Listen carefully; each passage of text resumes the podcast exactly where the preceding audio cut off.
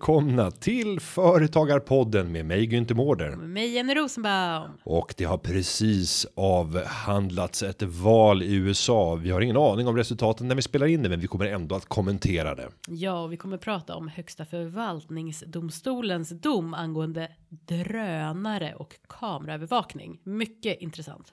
Därefter så flyger vi vidare som en snygg brygga över till musik och hur musik kan påverka våra kunders beteende, våra anställdas benägenhet att ge service och framförallt hur det kan maxa vår försäljning. Och vi kommer att prata om hur sociala medier vid B2B, business to business, kan användas vid försäljning och marknadsföring. Om du gillar Företagarpodden så vill vi gärna att du rekommenderar den till andra lyssnare och bidra gärna själv med innehåll till podden genom att ställa frågor på hashtag företagarpodden på Instagram och på Twitter eller gå in på företagarpodden.se utan prickar och eh, fyll i frågeformuläret om du har en lite längre fråga. Men kom ihåg att hålla dig koncis. Ju snärtigare fråga, desto bättre svar. Med det Jenny så säger vi Nu kör vi. Företagarna. Ja, vilken eh, morgon. Vi har ingen aning om vad som har hänt för vi spelar in det här eh, fredagen veckan före. Igår så smällde det i USA. Det gjorde, eller inte, sm- ja, smällde. Ja, det vet vi inte heller. Nej, det, det kanske det kan har smält. gjort också, men ja, Hela Vita huset har sprängts. usch. Nej, det vore hemskt hemskt. scenario. Nej, men, men det har ju varit ett val och vi har ingen aning. Det här är fredag och nu släpps det här och det är förmodligen onsdag när många av er lyssnar på det här och vi har en eh, kanske en president. Eh, det kommer alltid. Jag tror så Mm. Vi har här. en president tror jag, men Ja, Eller? nej, det tror Nej. inte jag. nej. Jag tror så här att det kommer att bli så grovt ifrågasatt och det Mm. kommer vara så mycket mumbo jumbo kring det här så att eh, det kommer vara fyllt av förvirrande rubriker den här onsdagen och Jag tror det kommer vara tveksamheter. presidentlöst. Eh, Nej, att det finns ett valresultat men att den ena sidan vägrar acceptera det och det kanske blir Trump. Ja, det verkar ju vara också, i alla fall i dagsläget är det ju extremt få procent som skiljer, skiljer dem åt. Ja, det är det eh, beroende på vilket medie man Ja. väljer att konsumera. Men du har ju lite speciellt förhållande. Du är gift med en amerikan. Ja, nej men det är jag. Jag är gift med en amerikan. Betyder det att- Och mina barn är amerikaner, men Du har amerikanska barn också. Amerikanska jag skulle också barn. vilja ha några amerikanska eller hur? barn. Det är faktiskt, det kan vara bra i alla fall, tror jag.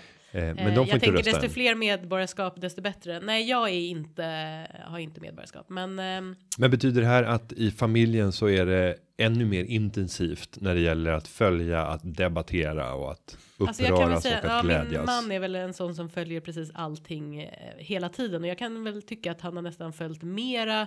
Alltså desto närmare kommer tycker jag nästan desto mindre han följer. Det var mer för liksom ett halvår sedan eller ett år sedan. Ja. För då tror jag att det fanns lite mer hopp kanske för honom. Nu tror jag att han bara är, känner sig hopplös som många amerikaner. För att det har börjat gå lite sämre för Trump. Precis. Ja. Och eh, finns ju släktingar eh, där borta i USA som som helt plötsligt har valt att rösta på Trump. Det gillas inte. Okej. Vad tycker Ja. du om Trump? Skulle du röstat på Trump? Nej, nej, det skulle jag inte gjort. Fast Men- jag tror många känner en hopplöshet för många tycker inte Hillary heller är bra och det är det som är, känns eh, jobbigt för många att de är så här, ja men nu får vi rösta på Hillary men det är mest för att inte rösta på Trump men det är liksom lite så pest eller kolera. Men sen kan vi nog konstatera att den mediebild som vi möts av i Sverige och i Europa som helhet är Mm. ju väldigt antirepublikansk. Nyanserad. Eh, nej men den, den är, o- den är onyanserad. onyanserad Ja, ja. och den är väldigt Ja, prodemokratisk. Det är den. Eh, Och, och när jag själv bodde i USA Mm. så mötte jag en helt annan bild. Och jag kommer ihåg bland annat när det gäller George W. Bush. Mm. Jag kom ju dit då 2008 var jag där och studerade. Så Mm. att det var ju precis innan Obama blev vald. Och när man fick se de dokumentärer som hade spelats in och man kunde följa nyhetssändningar om just den här perioden som Obama har haft Mm. nu. Från egentligen i våras fram till nu då han bara har kunnat glida runt på en, en räkmacka och kalla in stora ledare. Så bara, jag vill ha ett litet möte med Nordic leaders. Så bjuder han in statsministrarna och, och Finlands president och visar kom över till mig och de blir jätteglada och avbryter allt för att bara komma. Och sen så, så bara, jag inspireras av den nordiska modellen. Så bara, nästa gång så bjuder man in någon annan. Och, ja, få framstå som väldigt eh, mycket av en världsledare och kunna knyta ihop säcken. Åka till Berlin och hålla ett tal. Eh, bara för att jag bara för att jag kan. Bara för att jag kan. Nej, men alltså. Eh, Nej, och, och då framstod en bild Mm. av George W. Bush som var mycket mer nyanserad Ja. och där han framstod som mycket mer mänsklig än den bilden Nu, som men nu tror jag, i alltså, nu pratar jag för media. mig själv, alltså även om man då skulle vara republikan och det är ju ändå väldigt många som är det i USA, så att det är inte så att så här som man ser i Sverige där man tror att men, det är demokraterna som är de goda människorna och alla andra är liksom avskum. Men jag måste ju ändå säga att alltså nu är det här personligt, men alltså det är svårt att se Donald Trump som en ledare, alltså även fast han har liksom figurerat så mycket nu så tycker jag det känns helt oseriöst. Ja, det men som en ledare kan jag nog se honom, men som en Ledare- galen ledare. Ja, men som en statsminister för United States of America, att det är han som ska representera landet och möta andra statshuvud. Nej, han är, han är inte så presidentlik i eh, den norm som finns. Nej. Men att han bär egenskaper av att kunna väcka känslor. Jo, det att på olika sätt leda människor. Sen så vart hän man leder dem. Mm. Jag Kan vi tycker han diskutera. känns extremt osympatisk. Ja, och vi är naturligtvis helt opolitiska här. Vi tar inte ställning. Nej. Nej. Tycker du han känns sympatisk? Alltså nu menar jag inte så här, du skulle vilja träffa honom, för det är klart du skulle vilja det. Ja, men det, det Ja. tror jag många tyckt Ja, var det är- spännande. absolut. Alltså, hade jag fått sitta. Eh, jag hade nog hellre suttit med Trump en kväll och druckit lite öl och käkat chips för Mm. Ja, att prata En Hillary. än Hillary för att det hade varit mer spännande. Va, alltså, Mm. Men det tror jag är, må- är han sån som Ja. Mm. han förefaller vara i talarstolen? Hi- Hillary skulle vara så tillrättalagd. Ja. Mm. Allting skulle vara så korrekt och det skulle vara trevligt. Nej men det tror jag många kan hålla med om. Men nu pratar vi ändå om vem, och det vet vi ju inte idag, men vem Nej. som ändå ska styra landet. Men det vet våra lyssnare så vi Ja, ska inte. spännande. Det är så meningslöst att sitta och gissa. Vi var ändå tvungna att prata om det. Ja, någonstans. men Ja. vi eh, måste kasta oss in i den stora frågan i eh, Sverige. Mm. Vi ska nämna att det är två saker. Det ena var att förra veckan så släpptes. Från Trump till ja, något ännu större. Ja, och, och nå- ett ämne vi kommer återkomma till, men som vi inte kommer fördjupa oss i nu. Det är entreprenörsskatten. Mm.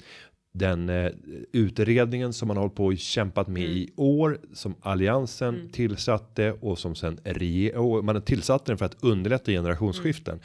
Därefter så ändrade nuvarande regering utredningsuppdraget, direktivet och sa att nej, vi ska även dra in mer skattekronor från företagare och dessutom ska vi göra på ett sätt så att vi inte förlorar tillväxt och tappar jobb. Och man kan väl konstatera att när utredningen nu offentliggjordes förra veckan så kan man se att man har lyckats med det ena uppdraget och det är att på pappret redovisa att skatteintäkterna skulle kunna öka. Om man tar för givet att förändrade skatter inte leder till förändrade beteenden. Med den parentesen. Sen så i fråga om jobbskapande och tillväxt så har man nog tror jag misslyckats i utredningen. Däremot så kommer man skapa mycket nya jobb genom att eh, rådgivare med välsittande kostymer och blankputsade skor kommer få en växande marknad för att planera. I huvuddrag kan man säga om man ska ta det absolut mest elementära. Gå in på företagarna.se om ni vill se fördjupningar eh, och våra kommentarer och analyser. Vi har ju själva suttit med i utredningen. Eh, Annika Fritsch som är vår skattespecialist har skrivit ett särskilt yttrande och det gör man när man är jättearg och sen så skriver man vad man är arg på och det finns också offentligt. Men där kan man läsa mer om det. Men ska man sammanfatta det så kan man säga att det, det mest tydliga det är ökningen av eh, skatten på utdelning i fåmansbolag från 20 till 25% och det är ju massa regler som omgärdar hur mycket man får dela ut till den här skattesatsen. Så att det är en rejäl skattehöjning på Sveriges fåmansföretagare. Men gå gärna in på företagarna.se och eh, läs mer. Och den här veckan så har ju också när många av det här lyssnar av de här lyssnar på det så har ju även välfärdsutredningen släppts, alltså vinst i välfärden. Och det har nog inte undgått någon hur vi har agerat i den frågan vid det här laget, men inte just nu när vi spelar in. Nej. Jenny, vad ska vi prata om? Ja, vi ska hoppa till någonting helt annat. Eh, här i veckan så högsta förvaltningsdomstolen kom ju med en dom. Mycket spännande som handlar om. Drönare, vi drönar. Som handlar precis om drönare. Och eh, det har ju inte varit, alltså problemet med drönare, vad, vad, alltså vet alla vad en drönare är? Alla vet vad en drönare Vet man det? är. Ja, det vet man. Okej, men vet man vad man kan göra med en drönare också? Jag tror de flesta vet att man även kan sätta på en kamera på drönaren och flyga upp i det här helikopterlika föremålet och filma från ovan. Det har blivit väldigt populärt och det är otroligt billigt. Det här har det blivit var mans egendom. Precis, och det finns ju alla typer av drönare ska vi säga. Alltså nu pratar vi kanske inte eh, när man flyger så högt kanske man inte pratar om drönare som barn använder, alltså, eh, men det skulle ju kunna vara i och för sig. Man kan ha en kamera på dem också. Jo, absolut. Eh, men i det här fallet så har det ju professionaliserats Mm. och vi har fått mer avancerade kameror med tyngre objektiv eller tyngre med, med finare objektiv Ja. med större inzoomningsmöjligheter. Precis, men man, man kan ju använda det. Och, eh, vad använder man det till kan man ju tänka, men det är ju mäklarbilder. Man flyger över byggnader för att ta bilder över miljöer. Men Många företag vill ha klippbilder till Ja, reklamfilmer exakt. eller miljöbilder. Man vill ha bilder på sina produktionsanläggningar, Mm. kunna visa områden. Man har vid eftersökningar av borttappade människor. Man Mm. har vid bränder för att kunna kontrollera brandflöden. Så att användningsområdena är ju fantastiska många. Men det som har hänt då är ju att den 24 oktober 2016 så kom en ny dom från högsta förvaltningsdomstolen och den slår ju då fast att kameraförsedda drönare omfattas av reglerna i kameraövervakningslagen och då är det ju så här att man alltså det kan ju få stora konsekvenser för kameraövervakningslagen. Man får ju då inte filma individer utan att de känner till det här och så vidare. Ehm, så då har det ju här blivit en stor sak och jag kan tänka bara rent generellt att de flesta såna här bilderna när man flyger väldigt högt. Ser man ens människor tänker jag? För det här, det man pratade om i domen, det var ju utan tekniska begränsningar, det vill säga man kan se eh, människor och människor kan påverkas, alltså privatpersoner och så vidare. Jo, Eh, och på den frågan så ska jag säga att ja, man kan se människor och jag menar du Mm. men kan, kan man styra. för det handlar också om att man ska kunna identifiera dem. Jo, men det, alltså, Och det kanske man o- o- kan. Jo, om, man- om man ska vara riktigt Ja. eh, generös i sin tolkning så ska man nog säga att jo, men det är fullt möjligt. Ja. För du kan ju även tänka dig att en drönare flyger på eh, liksom fem meters höjd och du kan ju ta närbilder då på någons Mm. Precis. ansikte, men den kan också flyga på eh, 500 Mm. meters höjd. Så det, det som har hänt är att man måste helt enkelt när man ska ha en sån här eh, kameraövervakad eh, drönare, då måste man få ett tillstånd av länsstyrelsen. Det är ju det det handlar om, att det har blivit en helt annan process. Men jag tänkte att vi ska eh, titta lite på lite olika kriterier bara så att vi förstår och då eh, pratar jag om att man ska få då tillstånd från länsstyrelsen enligt lagen om allmän kameraövervakning. Då finns det fyra kriterier. Jag tänkte att vi ska gå igenom dem bara lite snabbt så man får en bakgrund. Och, och det är det man kallar rekvisit va? Åh, Ja. ja, visst. Jag kommer ihåg lite grann från den rättsvetenskapliga Just det, introduktionskursen. riken, på Inte Handelshögskolan. göken. Nej, inte göken och inte giken utan riken. Ja, om vi börjar med nummer ett. Kameran ska anses vara varaktigt uppsatt. Mm, varaktigt uppsatt. Ja, och då spelar det ingen roll om man egentligen kan ta, alltså, så, Ta bort den. Nej, Nej. exakt. Så Utan det ska anses vara varaktigt. så då är den ju varaktig kan man säga. Sen så nummer två. Kameran ska riktas mot en plats där allmänheten har tillträde.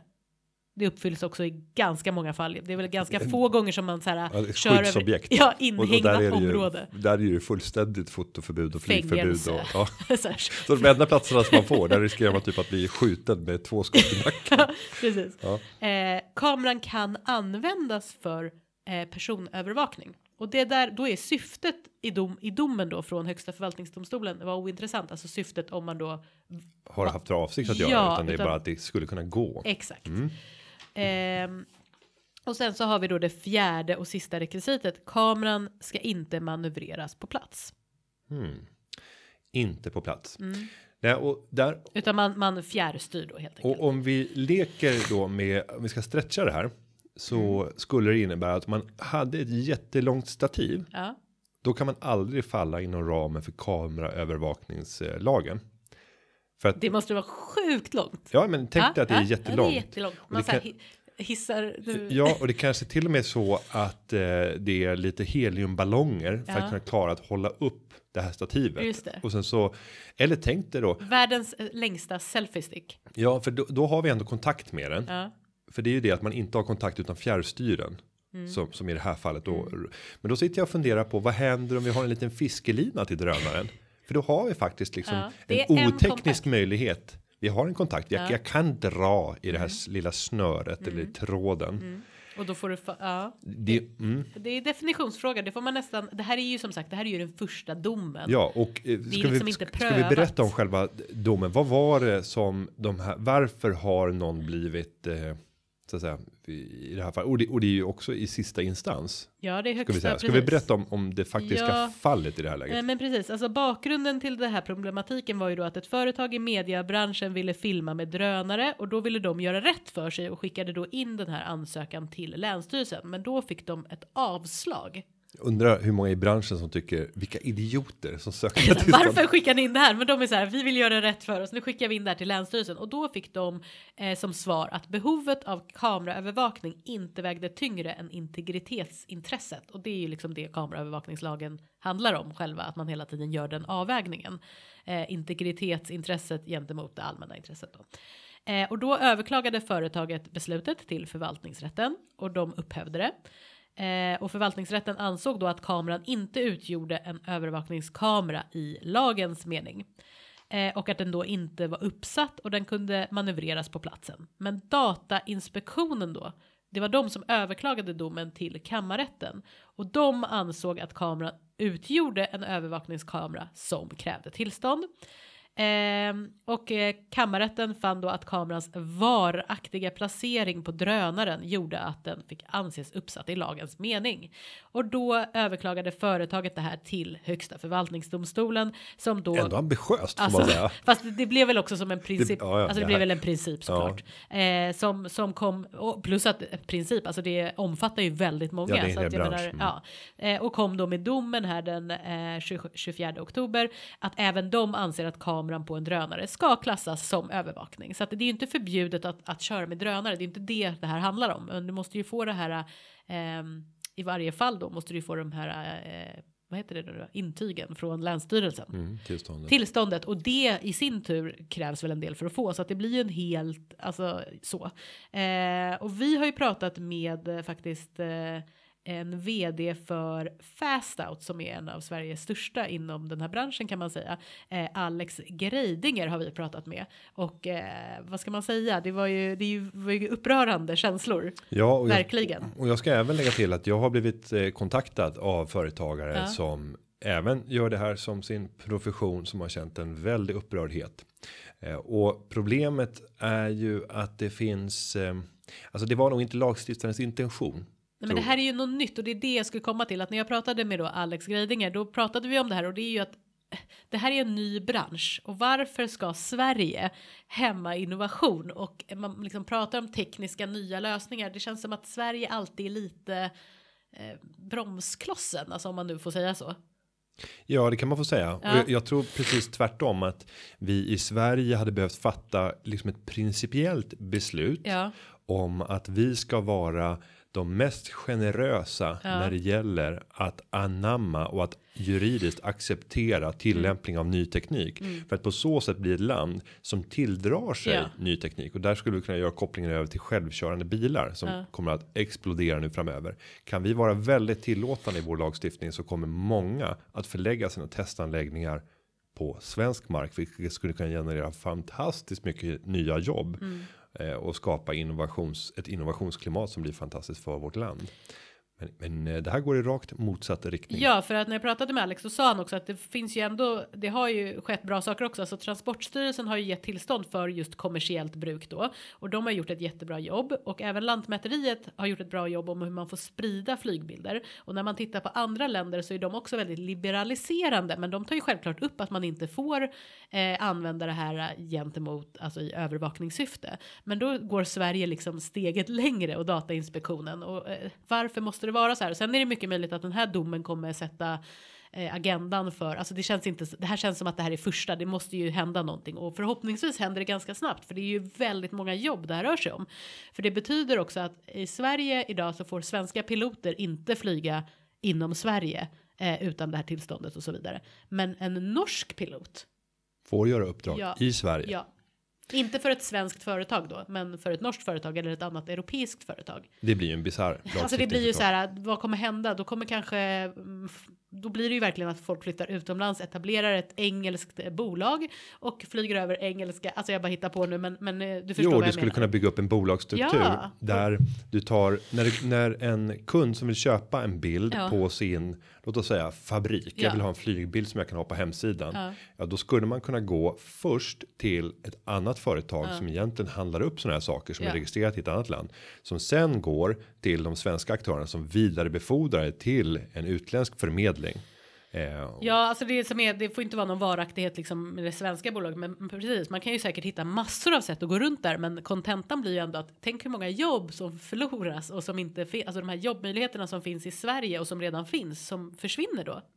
Ja, och en, en anledning till det att det ju här har vuxit. tanken. Ja, och en anledning till att det här har vuxit väldigt kraftigt är att den tekniska kostnaden har gått ner. Alltså att köpa den här typen av teknik, en, en hygglig drönare med en bra kamera på, där har priserna gått ner kraftigt. Sen är det klart att de som jobbar med det professionellt lägger ner rätt mycket pengar på det. Sen har du en väldig man säga, teknisk inflation Ja. som gör att utrustningen tappar snabbt i värde. Så ska vi se rent företagsekonomiskt så köper man tillgångar som ganska snabbt kommer att vara värdelösa. Och här har vi haft politiker som nu har uttalat sig och sagt att jo, men vi kommer nog att kunna ändra i lagen för det här kanske inte var syftet. Nej. Eh, Så att 2018 så skulle vi kunna ha en ny lag på plats och då är det så här. Men vänta nu. 2018, det är om, t- alltså, det då, då är hela min tekniska utrustning helt förverkad. Tänk alla investerare. Ja, alltså, och, och dessutom vad har hänt med marknaden under Ja. den perioden? Så att det här kan få rätt stora konsekvenser och det är många som gör det här. Inte heller som en, en heltidssysselsättning Mm. utan har det som ett extra uppdrag inom ramen för annan verksamhet. Mm. Att, eh, så sent som förra veckan så träffade jag faktiskt en sån företagare som har det här som en viktig inkomstbringande Mm. eh, aktivitet för att kunna finansiera ett annat typ av, av företagande. För nu är också problemet att den här domen har ju, det finns inga tekniska begränsningar i domen och det kan ju vara så att du har en drönare med en kamera och när den flyger ner så att den kan övervaka, då skulle man kunna ha en, tekni en teknik som gör att kameran blir svart. Vad händer då? I domen tar inte hänsyn till det utan domen, det är ju generellt. Nej, och sen så skulle du ju även kunna införa förbud när det gäller vad du får göra med bilderna. Ja. Alltså när du när du publicerar om du säger Ja. att om en person går att känna igen Ja. så får du inte publicera bilden. Då måste du redigera innan det. Och kommer det ut. går- går ju säkert också att ordna, men nu känns det som väldigt, ja, det, visst det är första steget och första domen, men, men det påverkar ju väldigt många. Ja, nej, vi får hoppas på en, en snabb förändring här för att eh, sånt här tycker jag är oroväckande när Mm. vi ser att eh, att vi leder in branscher i, i eh, liksom osäkerhet och där det i det här fallet då hotar väldigt mycket svenska jobb och där företagare kanske då eh, ser intressen av att fly landet Mm. för att kunna få bedriva sin sin verksamhet och jag tror inte att det var intentionen med det. Vi kommer följa frågan. Eh, Mm. Med spänning. Ja, är det någonting mer vi bör tillägga i det här skedet? Vi kan väl bara ta så här ett bisarrt exempel. Mm. Eh, och då är det så att om om jag nu skulle sitta med en kamera Mm. och låt oss säga jag har en sån här narrative kamera. Nu är det lite tråkigt för det bolaget är ju har ju jätteproblem just nu. Eh, hette tidigare Memento. Mm. Det är en liten kamera som tar en bild med en viss periodicitet så kan jag säga var 30 sekund Mm. så ska det ta en bild. Eh, jag, jag kan även tänka mig att filma med sån utrustning och sen så kanske du ställer frågan. Eh, Filmar du mig? filmar du Ja. mig nu? Och då skulle jag kunna säga nej, det gör jag inte. Och det är fortfarande inte olagligt. Mm. Även om jag filmar dig, men jag säger att jag inte filmar dig för det är jag själv som handhar det. Mm. Sen ska vi inte gå in på frågan när det gäller vad vi gör med bilden sen, Nej. Mm. men själva handlingen där så har jag inte begått något olagligt. Däremot om vi skulle sitta mitt emot varandra och sen kommer jag inflygandes nu med en drönare, här inne i poddrummet och sen så sänker jag ner den så att den hovrar Mm. Ja. en meter ovanför och ditt hår bara flyger och håller på och fastnar i drönar eh, bara, vad händer? Blir jag filmad nu? Filmar du mig nu? Ja, redan där har jag begått en, en olaglig handling. Mm. Det är olagligt, men det är inte olagligt att ha den här dolda kameran eller att stå med en jättefin kamera. Mm. Man skulle också kunna, om man bara tar ett annat exempel, så är det ju helikopter. För en helikopter kan ju lösa samma problem eller liksom vad är problemet? Jo, jag vill kunna visualisera min produktionsanläggning här. Jag vill ha en foto av min fabrik. Om du anlitar en hel- helikopter eh, pilot Mm. och så sitter du själv i helikoptern och fotar. Då finns det inga problem. Mm. Nej, det är helt lagligt. Ja. Men om du skulle göra samma jobb och du står på marken det. och även om du anlitade samma pilot som körde blir det så liksom får du inte övervakning och, och på samma sätt. Det är nu det Nej. börjar bli Ja. Så att det är okej om man skulle sitta i en fysisk helikopter och hålla i kameran. Men det är inte okej om samma pilot kör Mm. Drönaren med min och det, kamera. det är då man börjar tänka syftet vore ju bra, alltså att, att eh, konkretisera det lite. Men eh, vi kan väl hoppa till, alltså vad händer nu? Vart är vi nu någonstans? Alltså i, i det här. Mm. Och då är det ju det att Länsstyrelsen håller just nu på att ta fram då nya ansökningsblanketter. Det är så här, ja!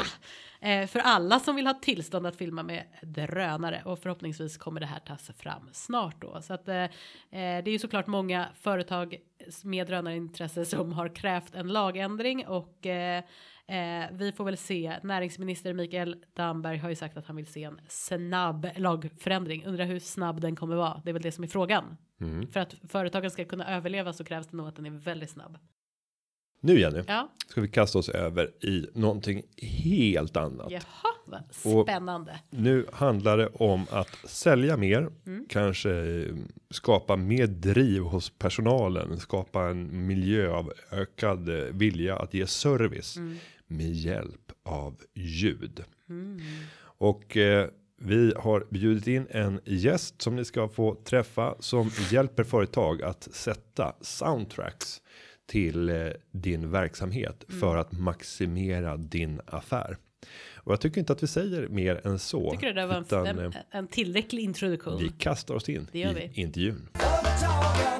Då säger vi välkomna till Magnus Rydén som är Head of Content på Soundtrack Your Brand. Tack, tack. Vad är det för någonting? Soundtrack Your Brand. Ett Soundtrack, eh, det är ett produkt och numera även tjänsteföretag som sysslar med bakgrundsmusik eh, åt allt ifrån hotell till gym, restauranger, klädbutiker och liknande.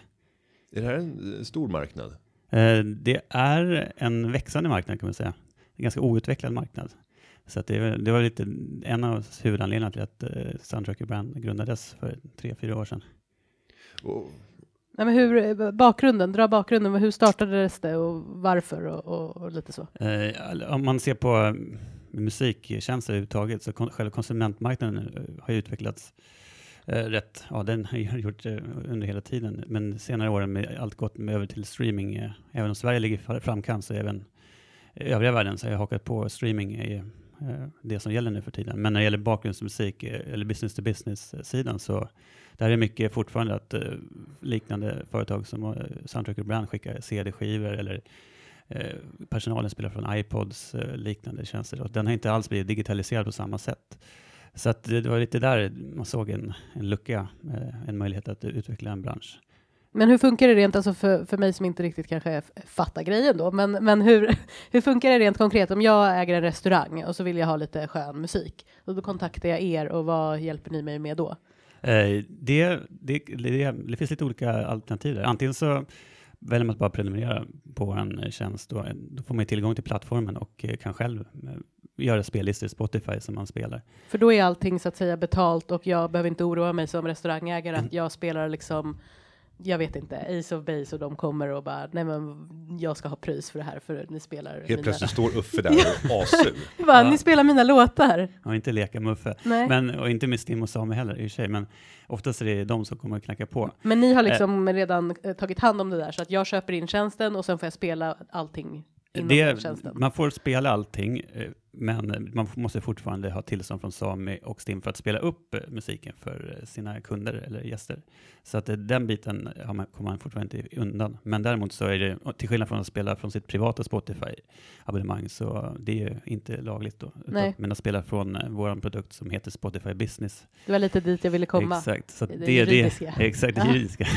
det är en hel djungel när man håller på med musik. Mm. Men det här måste ju vara en ganska svår marknad för att de flesta har ju kanske då musik på i om vi säger ett café. Ja, det finns musik i bakgrunden, eh, men det finns väl väldigt få som faktiskt gör rätt för sig på det här området i min uppfattning. Ja, det, det stämmer. Så att, Mm. eh, därför är det väldigt viktigt att vi just jobbar med att utveckla en produkt som ger mervärde eh, och även hjälper dem som kanske liksom, dels kommunicerar värdet som man kan faktiskt skapa genom att välja rätt musik. Det handlar inte om bara att spela musik, utan Eh, dels genom att vi är väldigt aktiva och driver forskning tillsammans med HUI eh, kring just effekterna av bakgrundsmusik och på så sätt påvisa att man faktiskt kan både stärka varumärket och eh, öka försäljningen genom att spela rätt musik. Så till exempel, förlåt att jag bryter, men restaurang och café som vi pratade om nu, vad kan man då spela? Alltså vi har ett café. Vilken musik vill man att, för då tänker jag så här, vill man ens att gästerna ska vara kvar? De sitter och trycker på någon te som är blaskig, liksom så här 17-åringar sitter. Sitter och parkerar en egenföretagare Ja. som ockuperar ett bord. Ja men exakt, det finns fem platser. Borde man bara dunka på Rammstein. Ja, nej men alltså på riktigt, alltså vad, hur, hur pratar ni med liksom kaféägaren? Så här, är det så, sådana tankar man har? Eh, absolut. Eller, så det, det, man kan ju både påverka beteendet, eh,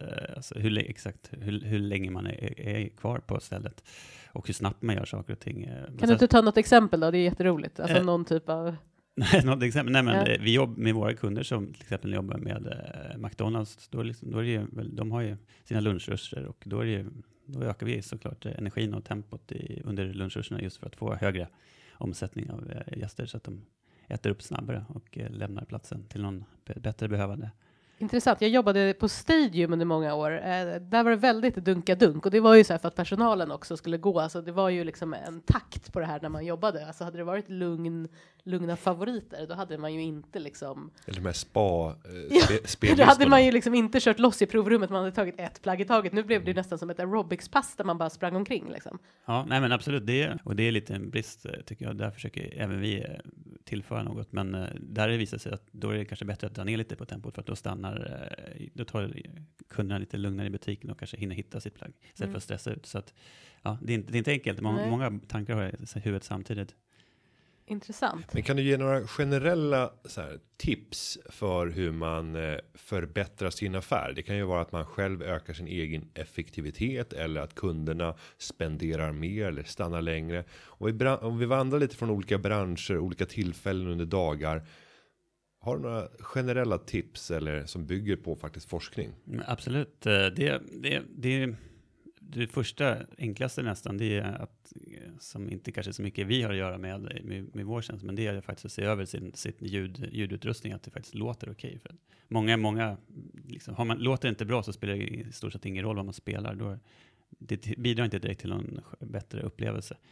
Uh, men om man väl har kommit förbi den biten, när man väl ska börja tänka på vilken musik man spelar, så ett vanligt fel som många gör, som vi anser, det är att man spelar för mycket populär, alltså hitlistemusik. Eh, det är, det är väldigt enkelt och känns kanske tryggt för någon som inte är så insatt, men eh, återigen, när vi går tillbaka till forskning som vi, även vi är med och driver, så har det visat sig att eh, lite beroende på kundbeteendet så är det oftast bättre att spela musik som inte kunden känner igen.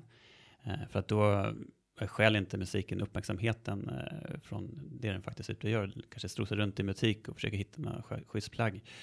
Och eh, känner man igen alla låtar som spelas där så skapas det någon typ av eh, ja, uppmärksamhet kring musiken och att tiden faktiskt passerar. Man liksom glömmer inte bort sig i, i miljön utan då, i och för sig, tiden är den enda liksom, faktor vi har som vi inte har så gott om här i livet så brukar det innebära att man faktiskt går tidigare från butiken och handlar mindre. Och det har forskningen visat. Så att eh, Eh, har man en klädbutik eller ja, hotellmiljö eller liknande, man, där det mer handlar om att bara skapa en skön miljö, så är det bättre att hålla sig borta från eh, hitlåtarna.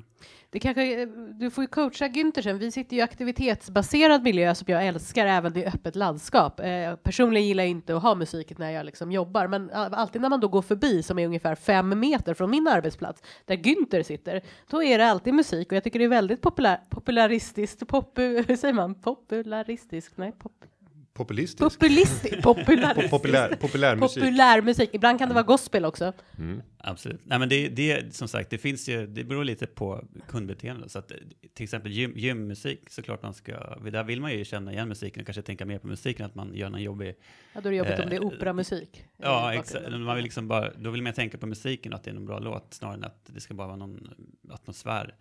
Man inte känna hur trött man är efter 20 situps. Det. Det var jag klarar ungefär, men eh, ja, vissa klarar kanske mer. Men eh, Har du haft någon tanke Det- Günther med din musik där i? Med situpsen? Nej, inte med situpsen, de har du inte gjort det. Men, I det öppna landskapet? Ja, för att det känns Nej, inte men som jag- att det är en tanke bakom. Jo, Är det det? Jo, det är det absolut. Jag Ja. har ju en Dunka Dunka spellista. Ja. Och eh, den, den åker ju på på fredagarna. Mhm, mm. Eh, den åker inte, och det är, Inte måndag det är morgon. fredag eftermiddag ofta. Nej, nej, nej, det, Nej. det är det inte. Men om vi nu ska välja musik. Hur går ni tillväga? Hur ser den liksom konsultationen ut innan ni levererar den färdiga produkten till kunden? Mm, ja, eh, vi har ju en arbetsmodell eh, där vi alltid utgår från varumärket. Det är väl vår ledstjärna. Eh, typ ett, ett fenomen som heter brandfit Fit music som ja, grundar sig lite på det här att konkurrensteorier och liknande. Att, om, om eh, en, och det är inte bara, det handlar inte bara om musik, utan det är mer generella grejer som design och liknande. Och, eh, att, att det handlar om att skapa en, en helhet som hänger ihop med varumärket. Är man, är man kund och går till, till en, en hm butik då går man inte dit för att man ska Eh, höra sina favoritlåtar, utan då, då tycker man om det varumärket, liksom, vad, vad det står för. Och om då man tycker att musiken som spelas där hänger ihop med varumärket, så, så dels så tänker man inte lika mycket på musiken för att det blir en del av, av helhetsupplevelsen, men, och, vilket i sin tur leder till mer positiva attityder och ökad försäljning. Så att, därför utgår vi alltid från, eh, benar ut varumärket, eh, personligheten med, varumärkespersonligheten med, med våra kunder. Eh, och sen så nästa steg två är då att eh, ta i hänsyn till vem som faktiskt är deras målgrupp. Eh, för det är ändå de som ska höra musiken och uppfatta varumärket på rätt sätt. Så att, så att genom de två enkla stegen så, mm, ja, det kanske låter enkelt, men det är, det är såklart det är att hitta en, den perfekta låten som just uttrycker ett varumärke. Det är någonting som man får arbeta upp med tid. Liksom, det krävs någon typ av känsla för musiken. Då. Har du något eh, exempel på någon så här lite framgångshistoria där ni med hjälp av musiken gjorde eh, verksamheten lite mer framgångsrik? Uh, vi var, eh, ska se, vi var på de här hotell och spadagarna faktiskt i Loka, Loka brunn här tidigare i somras och träffade en massa spaägare.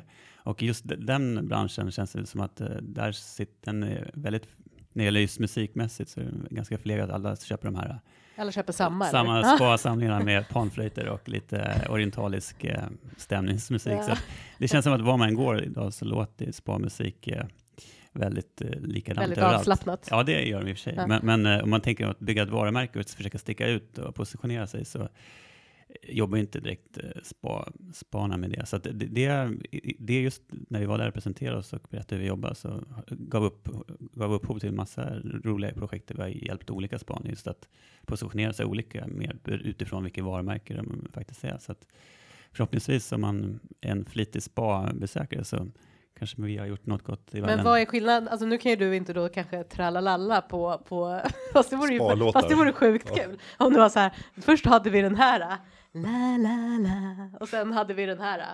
Det vore ju lite roligt. Men vad, är, alltså, vad var skillnaden med den här nya modernare spa-musiken gentemot den här förlegade flöjtmusiken? Nej, men vissa mer exklusiva spa jobbar vi mer med klassisk eh, instrumentation som är starkare kopplat eh, till klassisk musik helt enkelt för att skapa lite mer exklusiv känsla medan det fanns eh, vissa span som mer eh, baserade på aktiviteten då, trots att det var spa. Det fanns någon typ av energi spa, om det finns något som heter så.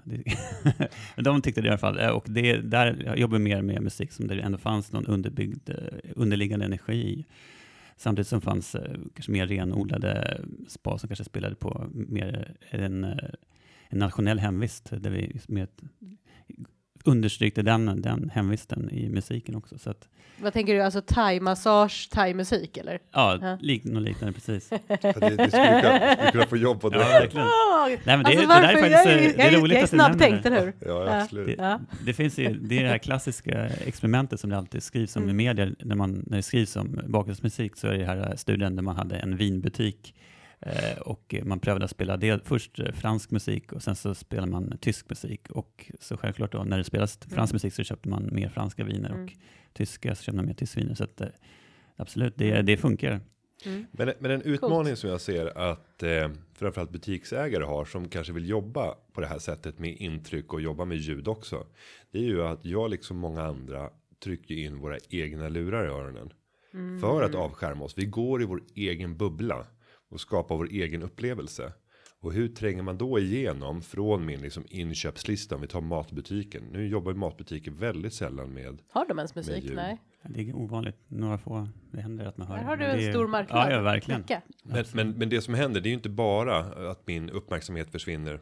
Alltså ljudet, jag kan inte påverkas där. Mm. Utan det är ju även att jag isoleras när det gäller andra intryck. För att musiken tar så stor, stor plats då när jag går tillsammans med min inköpslista. Hur ska man tänka för att framtidssäkra? För att det här är ju inte ett beteende som kommer att minska. Jag tror snarare att det kommer att öka. Om vi ser på den yngre generationen så är det mycket vanligare än bland äldre. Att man går med sina lurar i nästan hela tiden.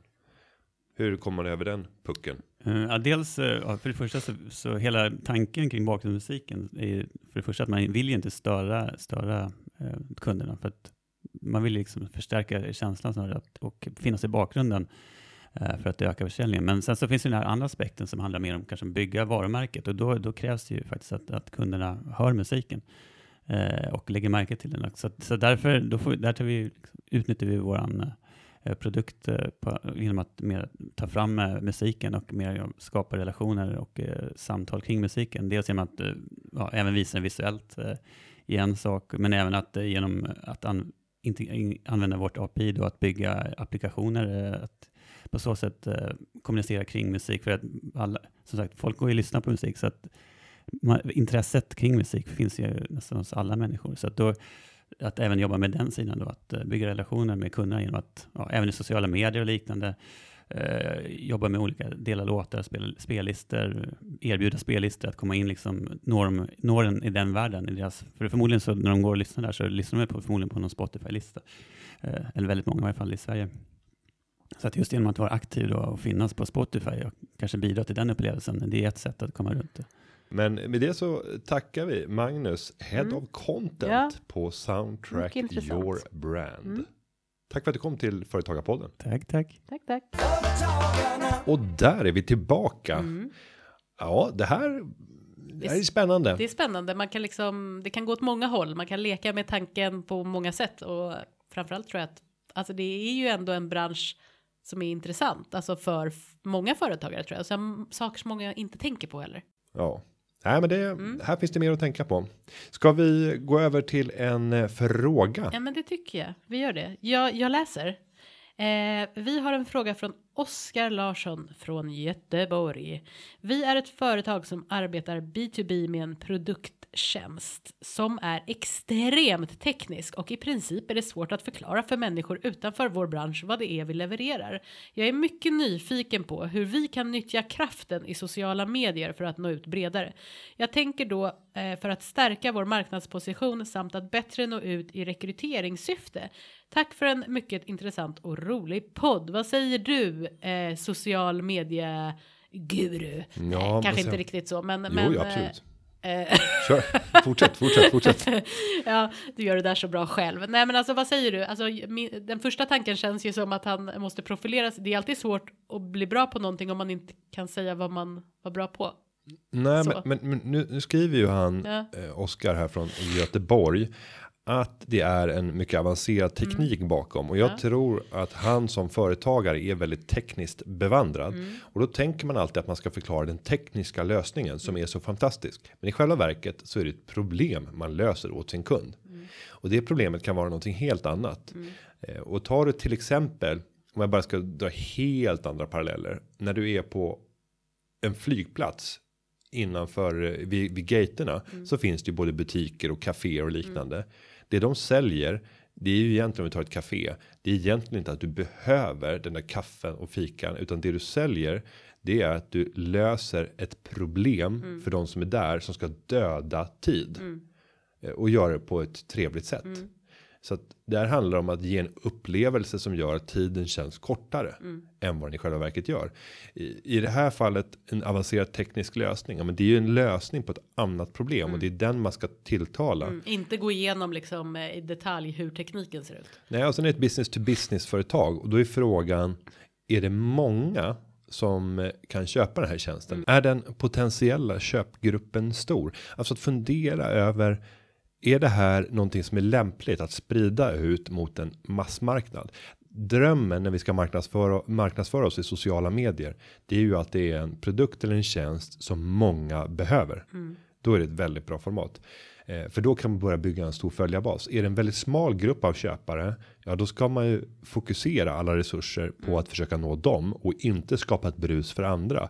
Sociala medier kan vara fantastiskt där också. Om du kan filtrera dina köp för att nå just den målgruppen. Så att eh, jag tycker att eh, Oskar ska fundera över Vilka är det han försöker nå? Var befinner sig de i sociala medier? Var befinner de sig i övrigt i samhället? Var är det man kan nå dem? Vad har de för intressen? Sen ska man inte glömma liksom det gamla sättet att marknadsföra sig och då tänker jag kanske inte på tidningsannons för då är det också att skjuta hagel utan snarare direkt marknadsföring. Att skicka person, det är en ganska liten snäv krets av köpare att kunna skicka direkt post till de här potentiella kunderna eller att skicka e-post där man spelar in en video. Jag har varit med om flera sådana fall där företagare har försökt sälja in tjänster till oss på företagarna där de har spelat in en video på så här 59 sekunder eh, och skriver 10 rader i ett mejl. Hej Günther, jag har gjort den här filmen till dig och vill presentera någonting som jag tror skulle kunna vara mycket användbart för era medlemmar och som skulle kunna hjälpa er att rekrytera fler. Eh, och sen presenterar de det på 59 sekunder. Det har ju aldrig hänt att jag bara har deletat. Så Nej. bara, åh, Ja. Men 59 du har alltid sekunder. blivit lite triggad man blir nyfiken, Ja. man vill ju titta. Och att få någons uppmärksamhet i 59 sekunder helt utan andra störningsmoment. För du sitter i din mail, du bara dubbelklickar på det där, öppnar filmen och så kommer den upp över hela skärmen. I jämförelse med att köpa räckvidd i sociala medier. Där du hela tiden då om du är på Instagram så ska du kanske stressa vidare för att du vill se något annat. Vad som har hänt med dina kompisar. Eller om du är på Facebook, om du är mer inne i skvallermode. Vad är det som händer med människor i min omgivning? Eller inne på Twitter, då vill du ha liksom, liksom samhällsdebatten, politiska åsikter. Det tillspetsade. LinkedIn, ja men då är det mer i ett rekryteringsmode, hålla koll på vad som händer med människor i karriären. Så att, nej, men jag skulle vilja slå ett slag för de här mer direkta kommunikationsformerna oavsett om det sker Intressant via med tanke på att du skulle då vara social medieguru så bara men skicka ett mail. Jo, Fast men det är, det är jag förstår hur du tänker men eh, man är man, man har om det är smal kö- köpgrupp. Exakt, man har liksom och då har man också fokus. Man sitter vid sin dator, man är ganska inne i liksom eh, och att titta på sina mejl just då. Mm. Man har inte alla de här andra distraktionerna. Men, men någonting som har om vi pratar om en avancerad teknisk Mm. lösning som finns till för alla, men där det framförallt är viktigt business to business. Då är det så här antivirusprogram. Ja. Om vi går tillbaka 5-10 år i tiden så var det mycket mer påtagligt Mm. med det här antivirusprogram. Eh, för då köpte man sin licens och sen så skulle den förnyas och sen skulle man uppdatera det här och göra med liksom en jämn frekvens. Men idag som användare så har ju det byggts in väldigt ofta i de system som vi använder oavsett om det är liksom en, en Mac-produkt eller om det är en, en PC-baserad miljö med, med Microsoft. Så, så märker vi inte av det på samma sätt. Så det är inte lika påtagligt som det var förr i tiden. Så användarupplevelsen är egentligen mycket bättre. Men det finns en svaghet i att vi blir inte påminda. Förut så visste man alltid de här liksom, Symantec. Vart vill du komma med det här? Jo, att eh, i det fallet så hade man ju en massprodukt. Ja. Man skulle lösa ett problem. Problemet, det var egentligen inte att hålla virus borta från din dator och börja förklara med den tekniska lösningen hur vi lyckades göra det, utan det handlade mer om att jag vill ha en dator där jag kan känna mig trygg och säker och som inte kraschar och som gör att jag hela tiden känner mig trygg. Det är det du säljer. Eh, Så hur skulle du applicera det på Oskar Larsson Nej, men från där är, det, där, där är det ju en produkt som riktar sig till en otroligt stor mängd. Mm. människor och därför så kanske sociala medier i det läget eh, är mer attraktivt Mm. än om det är en smalare teknisk lösning där köpgruppen är mycket mindre. Så att beroende på hur bred hur bred är Mm. Man får titta köpgruppen. på köpgruppen helt enkelt. Ja, Mm. och sen så om man ska ge sig ut i sociala medier så är det bara viktigt att hela tiden kanalisera sig exakt hur kan jag nå den här gruppen eh, och inte hålla på att ägna massor med energi och eh, resurser åt att skjuta hagel mot sådana som är irrelevanta. För det är rätt vanligt att man att man gör.